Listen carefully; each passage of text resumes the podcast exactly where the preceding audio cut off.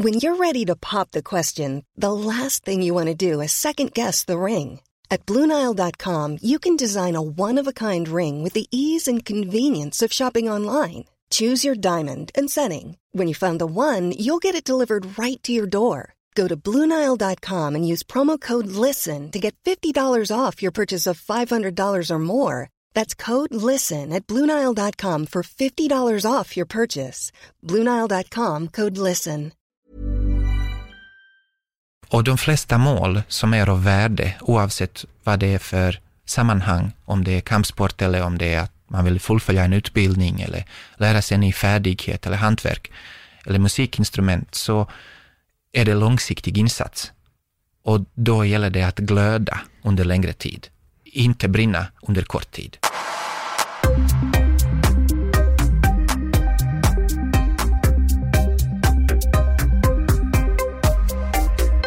Igor Ardoris, välkommen till Öppet sinne.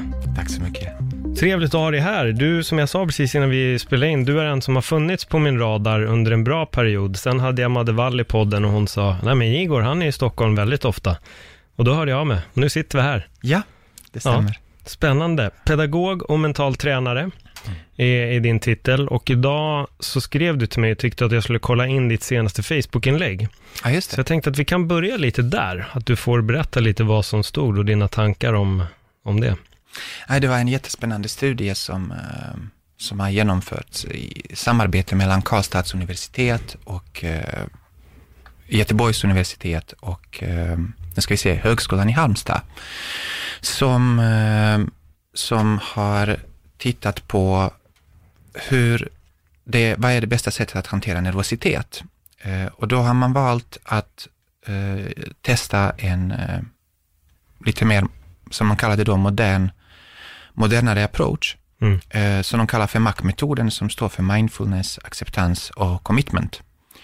Och eh, men bara leta fram studien så att jag håller mig eh, korrekt. Det de har kommit fram till just är att, vilket, är, vilket jag verkligen välkomnar, och det eh, är att istället för att försöka slå ifrån sig negativa tankar och rädslor och nervositet i samband med eh, idrottsprestation, så funkar det mycket bättre att låta dem vara och fokusera på sin uppgift. Mm. Ehm, och att det här sättet att tänka positivt, liksom försöka intala sig att det kommer gå bra och, och, och trycka undan eh, all, alla tankar som tvivlar på att det kommer gå bra, att det inte alls är effektivt. Eh, Men det som jag reagerat på är att de kallar positivt tänkande för mental träning, vilket är, eh, ja, vilket inte stämmer, helt enkelt. det, ja. Om du skulle summera mental träning, hur, hur kan du summera det på ett bra sätt nu när det råder lite missförstånd i just det här? Alltså, eh, mental träning är helt enkelt ett sätt att träna med mentala processer, så att de samarbetar med en istället för att motarbeta en.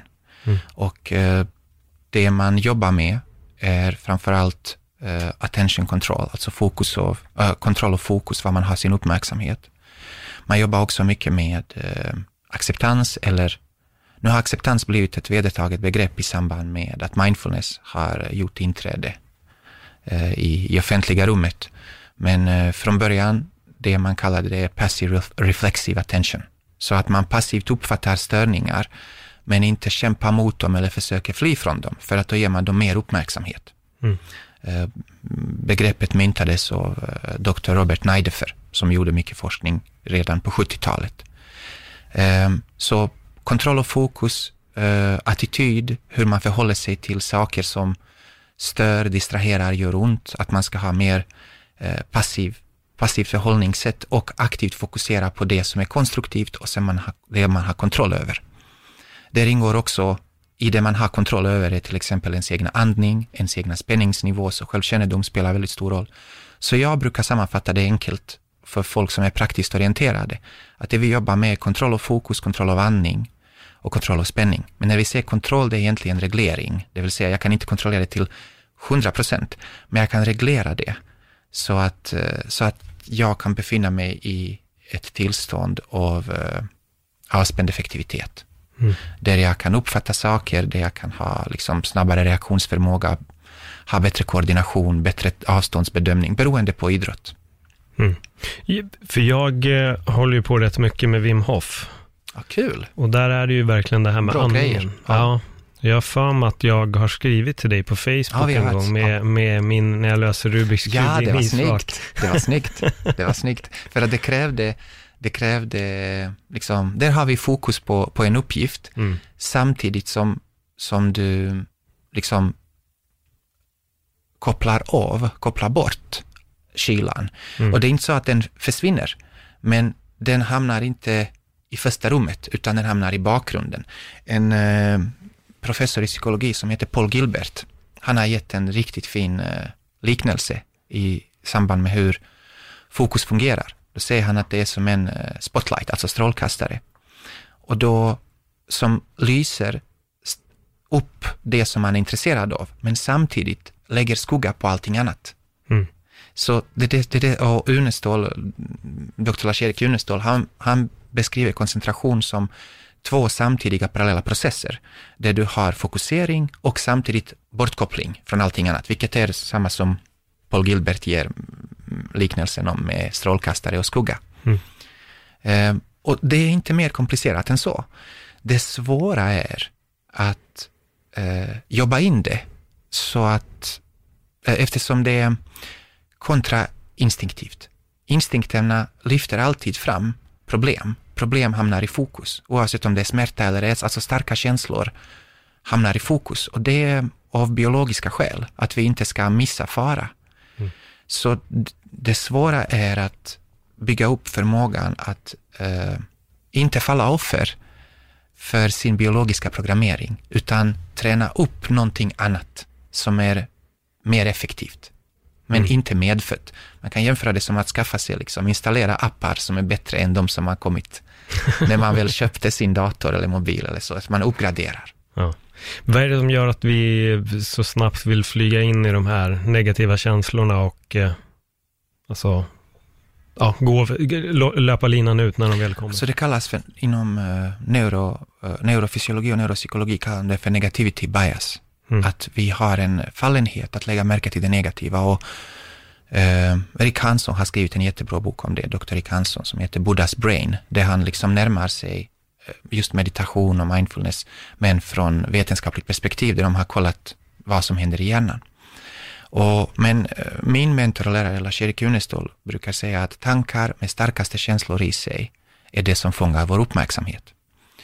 Eh, och eh, det var en, eh, redan eh, i, jag tror han dog på 90-talet, eh, Tompkins heter han tror jag, eh, var också en psykolog som, det är han som påbörjade den här forskningen om eh, affekter. Affekter inom psykologi kallas för känslor. Och det är det som sen Paul Ekman har tagit över, om, om du tänker på det här micro, microexpressions, alltså att tolka känslor hos människor utifrån små, små förändringar i ansikten. Det har varit en serie, Lie to me, liksom, som har varit poppis på Netflix om detta.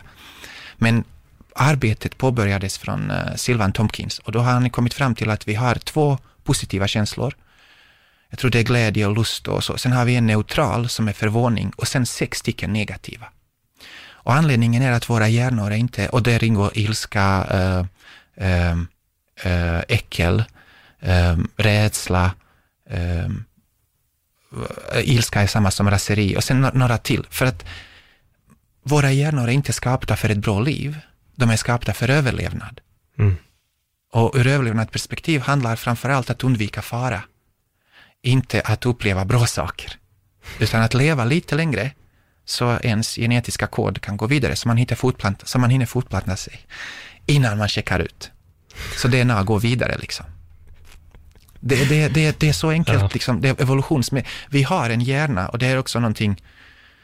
Eh, vi har en hjärna som är produkt av miljontals år av evolution som våra förfäder har liksom lämnat till oss och deras förfäder har lämnat till dem och ödlor har lämnat till dem, alltså om vi går tillräckligt långt tillbaka. Och den här hjärnan är kapabel till rädsla, till ilska, till, till, till svartsjuka, till, till eh, enorm förmåga att vara hjärtlös och liksom, ehm, och, men inget av detta har vi valt. utan det är bara grundinstallering. Mm. Så det är inte vårt fel att vi har det i oss, men vi måste ta ansvar att hantera det. Hur gör vi det? Hur, hur bryter vi mallen? Hur eh, defragmenterar vi datorn och avinstallerar de här negativa apparna? Ja, det är det som har blivit så intressant utifrån, eh, som jag nämnde till exempel innan, eh, Rick Hanssons och Buddha Brain, Buddhas Brain, att eh, vi har ju, vi kan ju, här är ett område där eh, vetenskap och evolutionsläran och eh, till exempel eh, andlighet och religion överlappar varandra.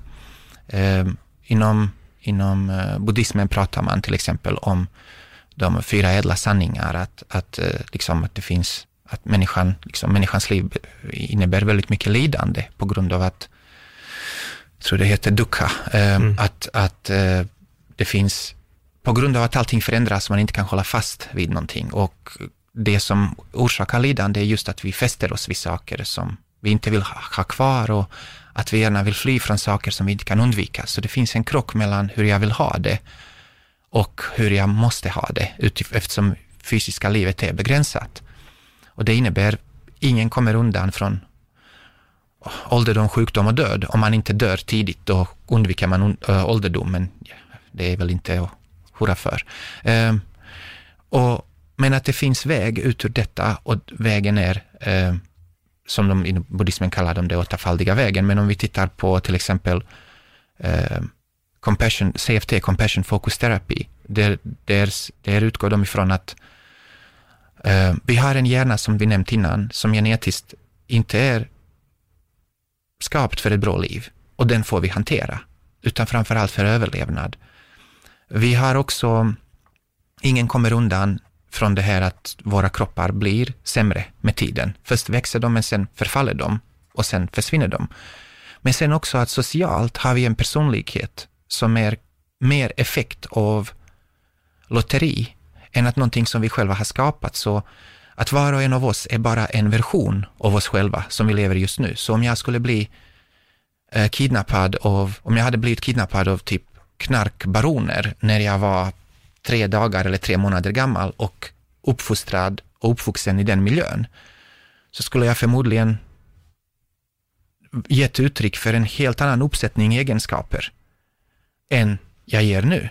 Men så, så, så, vi har väldigt mycket som vi, får, som vi får med oss, som vi inte har valt, men som vi förväntas ta ansvar och hantera. Mm.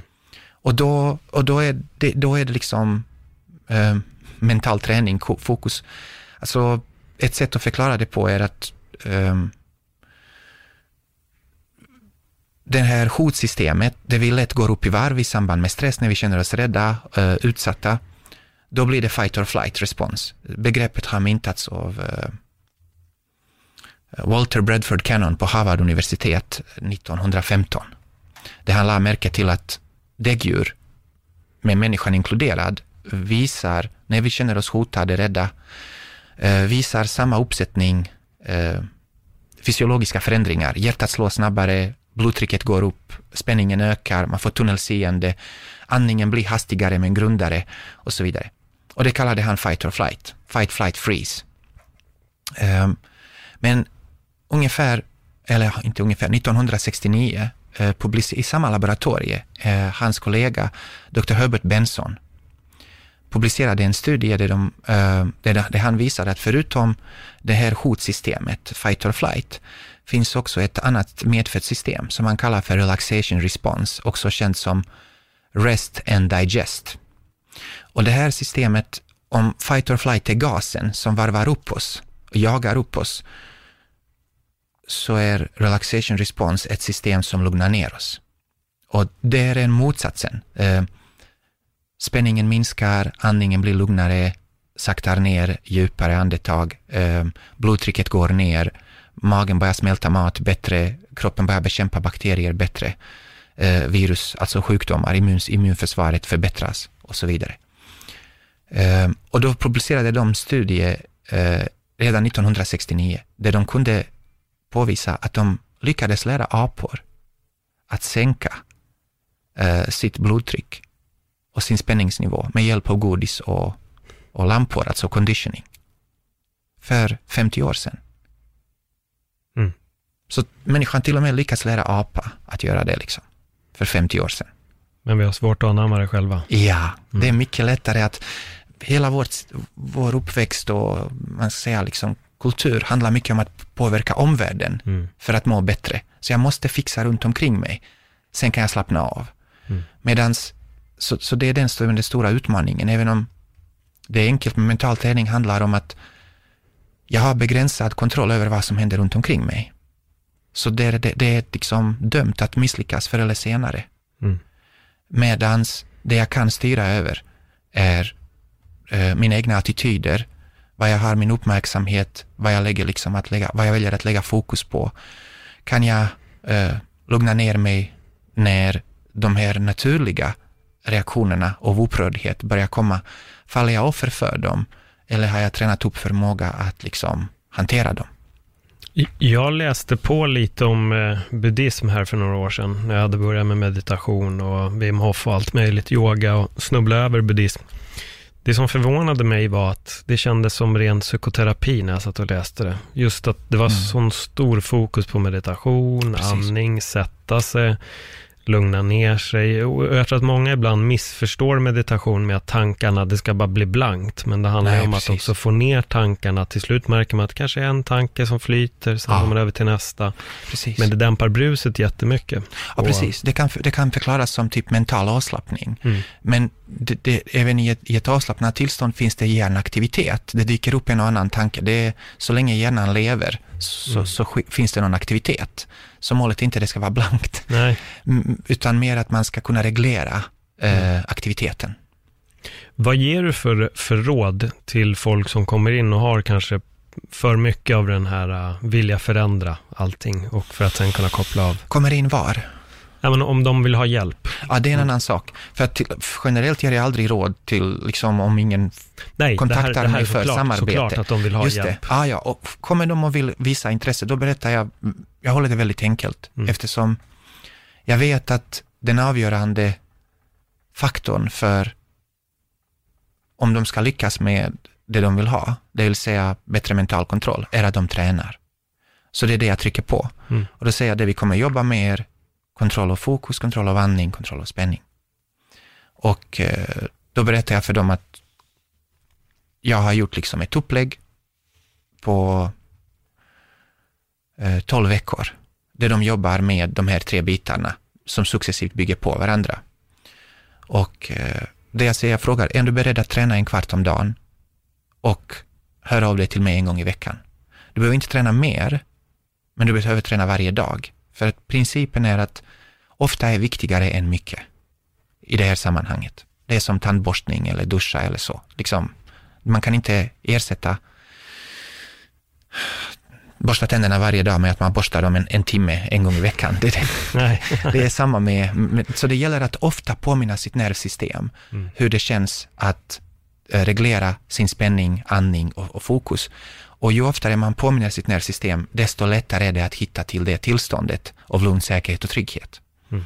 Så jag har en liknelse om jag ber någon att gå hem, och även om den personen förstår vad jag ger dem för instruktion, om de inte har varit där på länge, så finns det risk att de inte hittar så snabbt.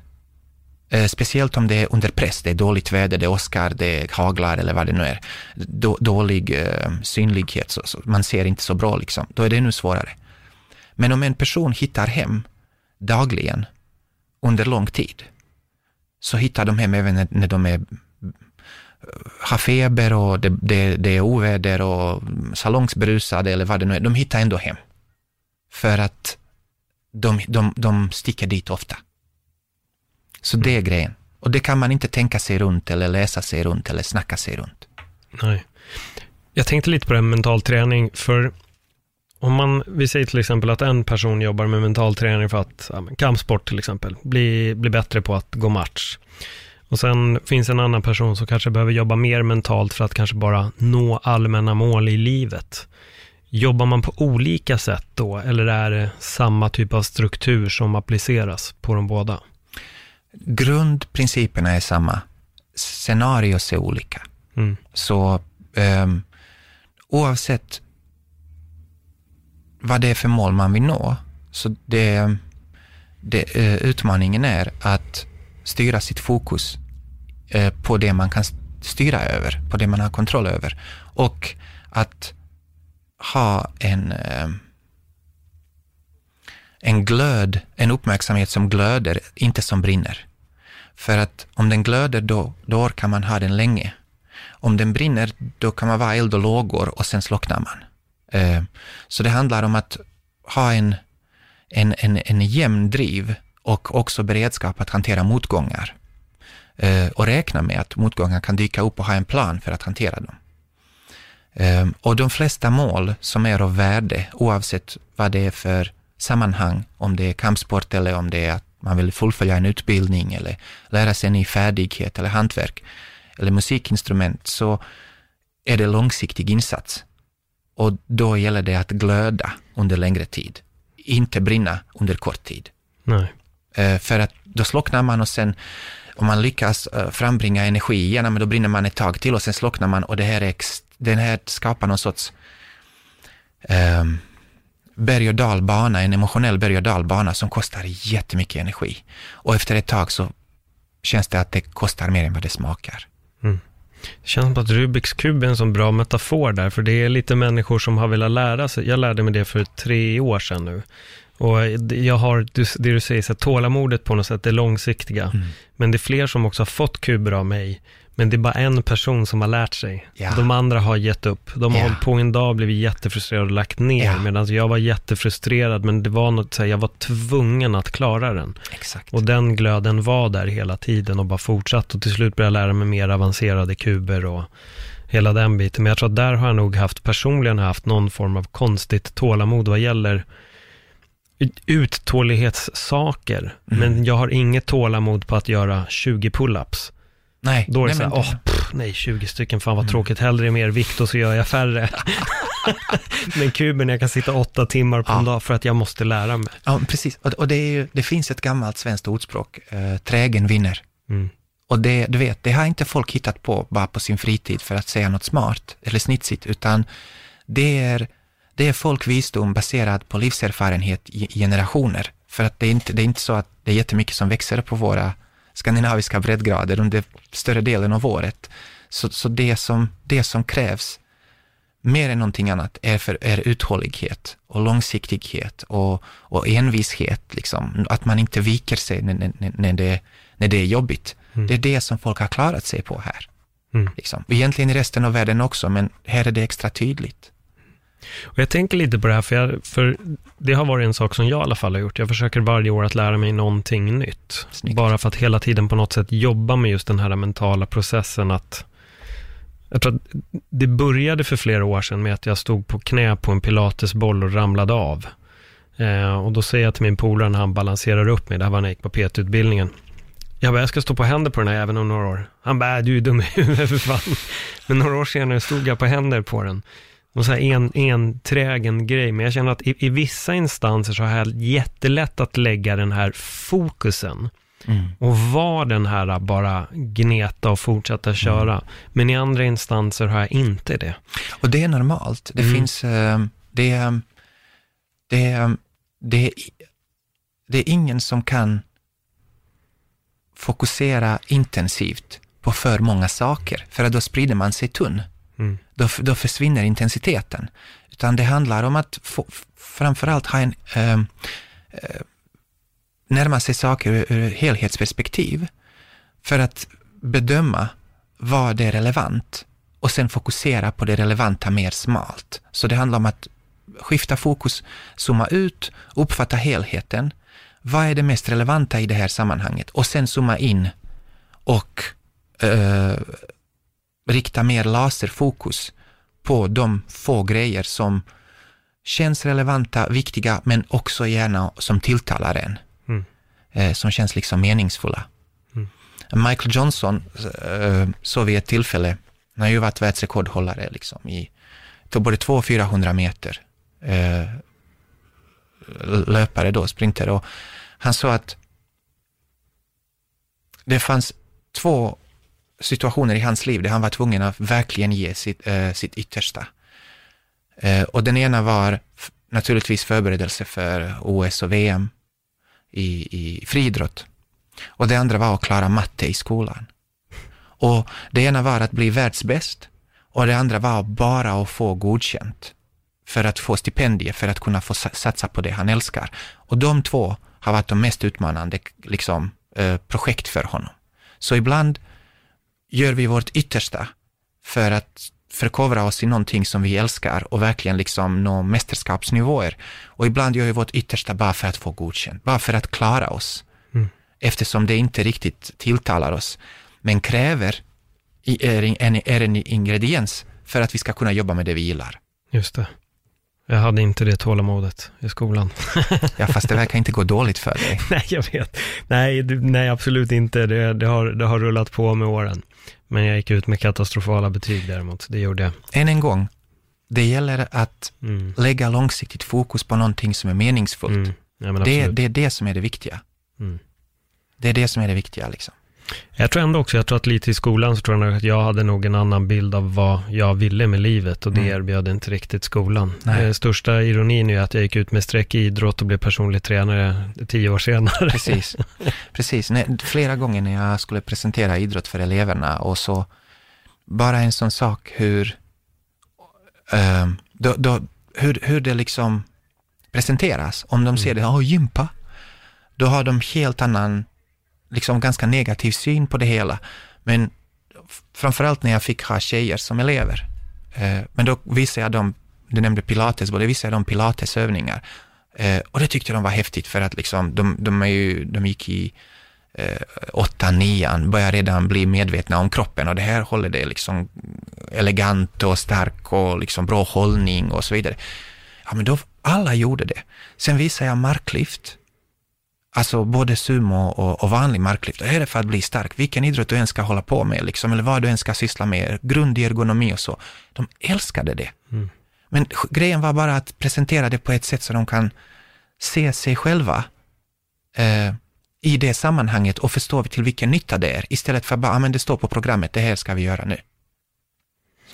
Ja, jag känner igen det i min skolgång måste jag säga. Det var inte direkt motiverande. Det fanns en lärare som fick mig att förstå att jag kunde lära mig och det var matte och det var det jag trodde jag var sämst på, men det var det jag fick bäst betyg på på grund av att hon förmedlade det på ett bra sätt. Det är det jag menar. Men det, och... finns, det finns många, jag har ju, i och med att jag jobbar mycket som konsult, mm. så jag har inte varit på någon skola där jag inte har träffat åtminstone två, tre sådana lärare som tänker outside the box, som mm. liksom mm. presenterar samma vanliga eh, material, eh, men som har så mycket förmåga att skifta perspektiv att de kan närma sig det materialet ur elevernas verklighet och presentera det på det sättet. Så att vad, vad, vad är relevant och intressant för eleverna? Inte, mm. ja men det här står på programmet, det ska vi göra. Det finns som tur är minst två, tre och oftast ungdomar berättade, ah, jag trodde jag verkligen var skitkass på det här ämnet mm. och sen kom den läraren och så bara började jag älska ämnet liksom. Mm. Ja, men det, det, är viktigt sånt där och jag märker, du är det, när jag sitter och lyssnar på dig så förmedlar du ju en, ett intresse. Man, ja. man blir nyfiken, så jag, jag, förstår att om du framför det på, de här, på det här sättet, då, då hade jag ju också börjat med marklyft och sånt bra mycket tidigare. Ja, ja. Är... Allt är ju verkligen hur man väljer att förmedla det som man vill, vill lära ut. Ja. Jag vill bara backa tillbaka lite till, till meditation. Jag tänker lite på, vad är skillnaden på ren meditation och mental träning? Eh, det här är en intressant fråga. Eh, begreppet mental träning, eh, första gången som har grundats av Dr. Lars-Erik Unestål. Han har forskat på alternativa medvetande tillstånd. Eh, alternativa medvetande tillstånd betyder att medvetandet fungerar på ett sätt som det inte fungerar i vanliga fall. Eh, så vanliga fall är vaket medvetande. Men exempel på alternativt medvetande tillstånd är till exempel eh, dröm, då funkar inte eh, vårt sinne som vanligt när vi är vakna, eh, utan fokus är inåt, eh, vi har inte koll på vad som händer runt omkring oss, vi upp, hjärnan spelar upp vissa, vad ska man kalla det, scenarios, filmer på insidan som vi tror på eftersom eh, den delen av hjärnan som skulle eh, kritiskt granska om, den här, om det här vi för tillfället drömmer om är realistiskt, den delen är nedsläckt. Så därför tror man på sina drömmar tills man vaknar. Sen fattar man, shit, det var bara en mardröm eller, ja, det var inte på riktigt. Då tycker man bara det är löjligt, men sekunden innan så var man rädd. Mm. Eh, och det, det, här är ju allt, eh, så det innebär ökat fokus på ett mindre område. Hjärnan, eh, sinnet skiftar inte fokus så ofta, utan lever sig in i en grej. Exempel på alternativt medvetande tillstånd är film eh, eller fotbollsmatch. Man kan leva sig, så, så nyckelordet är inlevelse. Man kan leva sig in i en film eh, som berör en. Och även om man fattar, man vet vad skådisar heter i verkliga livet, så kan man ändå gråta eller bli förbannad för hur det går för skådisen i den rollen man spelar i filmen. Så en del av, av mitt sinne har full koll på att det här inte är på riktigt. Men det har ändå fångat mig så mycket att jag reagerar som om det vore på riktigt. Okej, okay. och det är alternativt medvetande tillstånd, så ökat fokus på en aspekt av verkligheten. Och det är gemensam nämnare både för eh, självhypnos eller hypnos och meditation. Det som är skillnad mellan de två är att i hypnos använder man det här fokus av, ehm, eh, det här tillstånd av väldigt skarpt fokus till att leva sig in i eh, en föreställning som man själv har valt, som, eh, så att man vänjer sitt nervsystem vid att det så småningom känns naturligt att jag ska agera på det sättet som jag just nu bara föreställer mig. Okej. Okay. Mm. Medans i meditation fokuserar man på till exempel eh, på, på, på någon fokusobjekt. Det kan vara eh, en sten framför dig eller ett, ett ljus eller eh, ett ord som du upprepar eller fokus på din andning. Någonting som inom mindfulness kallas det ankare. Någonting som hjälper dig att med jämna mellanrum ta tillbaka din uppmärksamhet till det fokusobjektet. Så när det dyker upp scenarios i ditt sinne, till exempel ah, nu har min tjej inte hört av sig på länge, tänk om hon har slutat tycka om mig och så börjar hjärtat slå snabbare så blir man orolig och så. Fast om det sker medan jag mediterar, då lägger jag märke till den här tanken och reaktionen den framkallar i min kropp.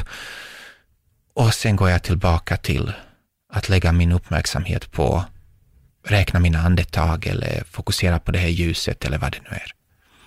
Så båda använder sig av fokus, men den ena för att öka inlevelse i ett scenario som jag har valt och den andra för att göra mig fri från scenarier som bara dyker upp.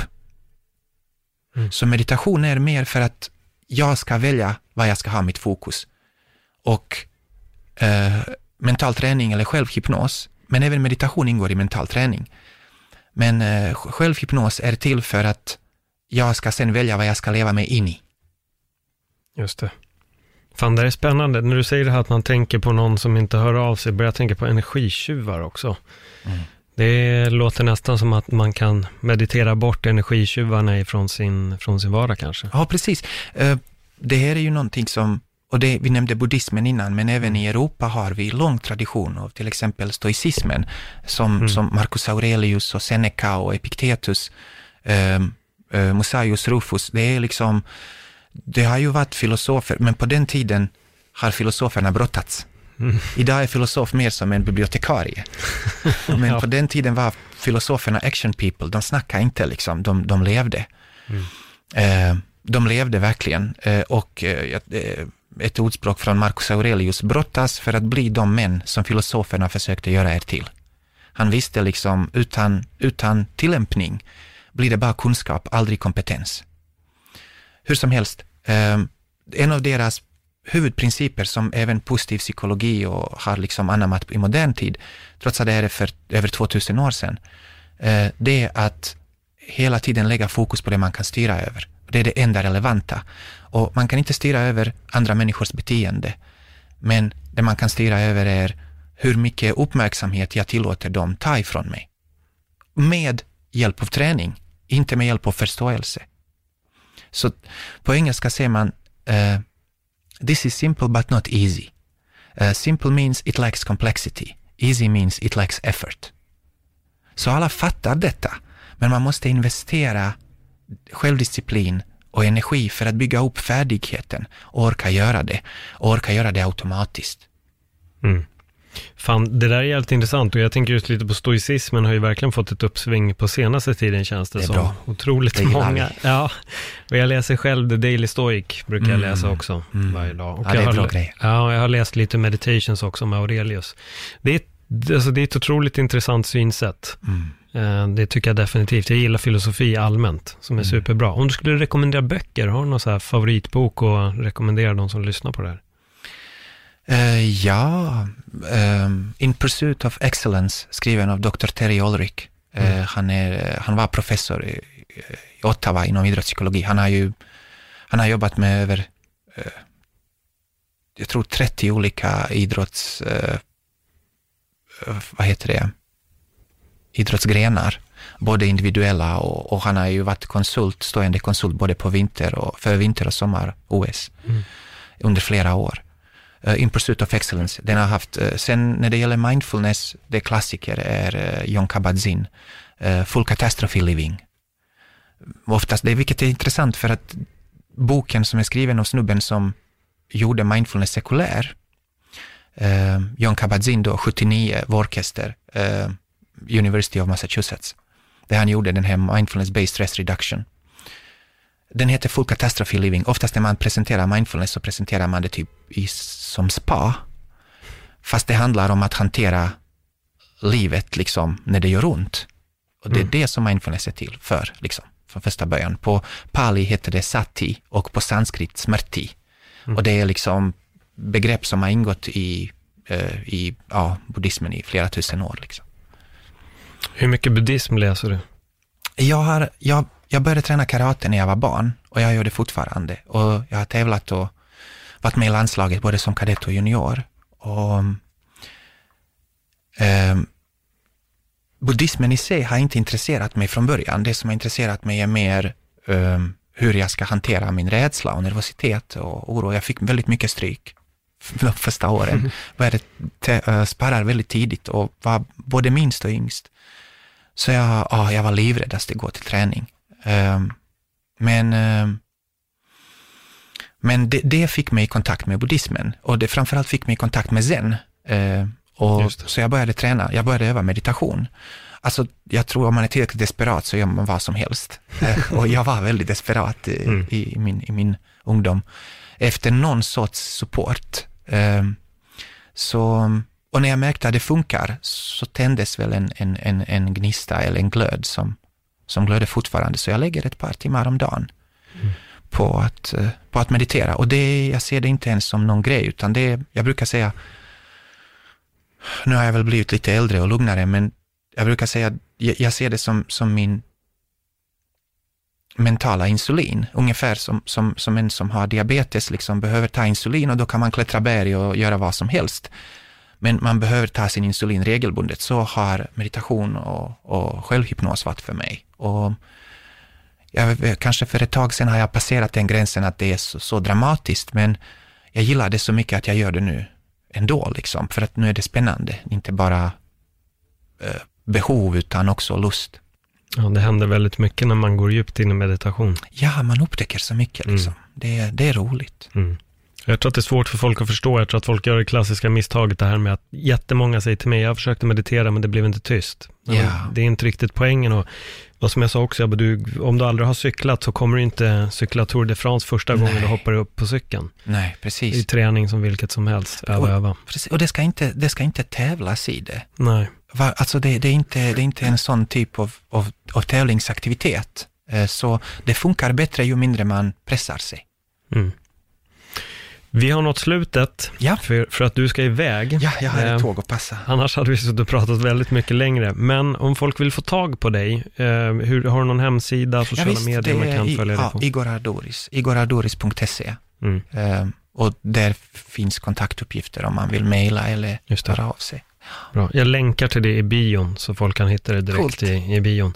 Du, supertack. Det är jag Eh, som tackar. Det var ett nöje. Ja, men det var jättekul och jag måste meditera mer. Jag har haft en liten svacka i Du min måste meditation. inte. Jo, jag behöver. Du jag, kanske känner, vill. jag känner att det behövs. Men jag vill också. Jag vill, jag vill tillbaka. Och jag rekommenderar alla att testa meditation.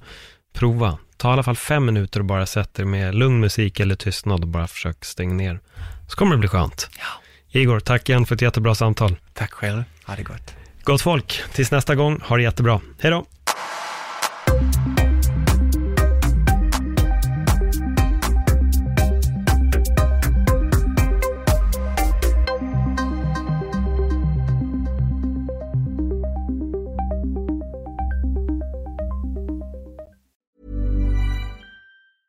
Mom deserves the best, and there's no better place to shop for Mother's Day than Whole Foods Market. They're your destination for unbeatable savings, from premium gifts to show-stopping flowers and irresistible desserts. Start by saving 33% with Prime on all body care and candles. Then get a 15-stem bunch of tulips for just $9.99 each with Prime. Round out Mom's menu with festive rosé, irresistible berry chantilly cake, and more special treats. Come celebrate Mother's Day at Whole Foods Market.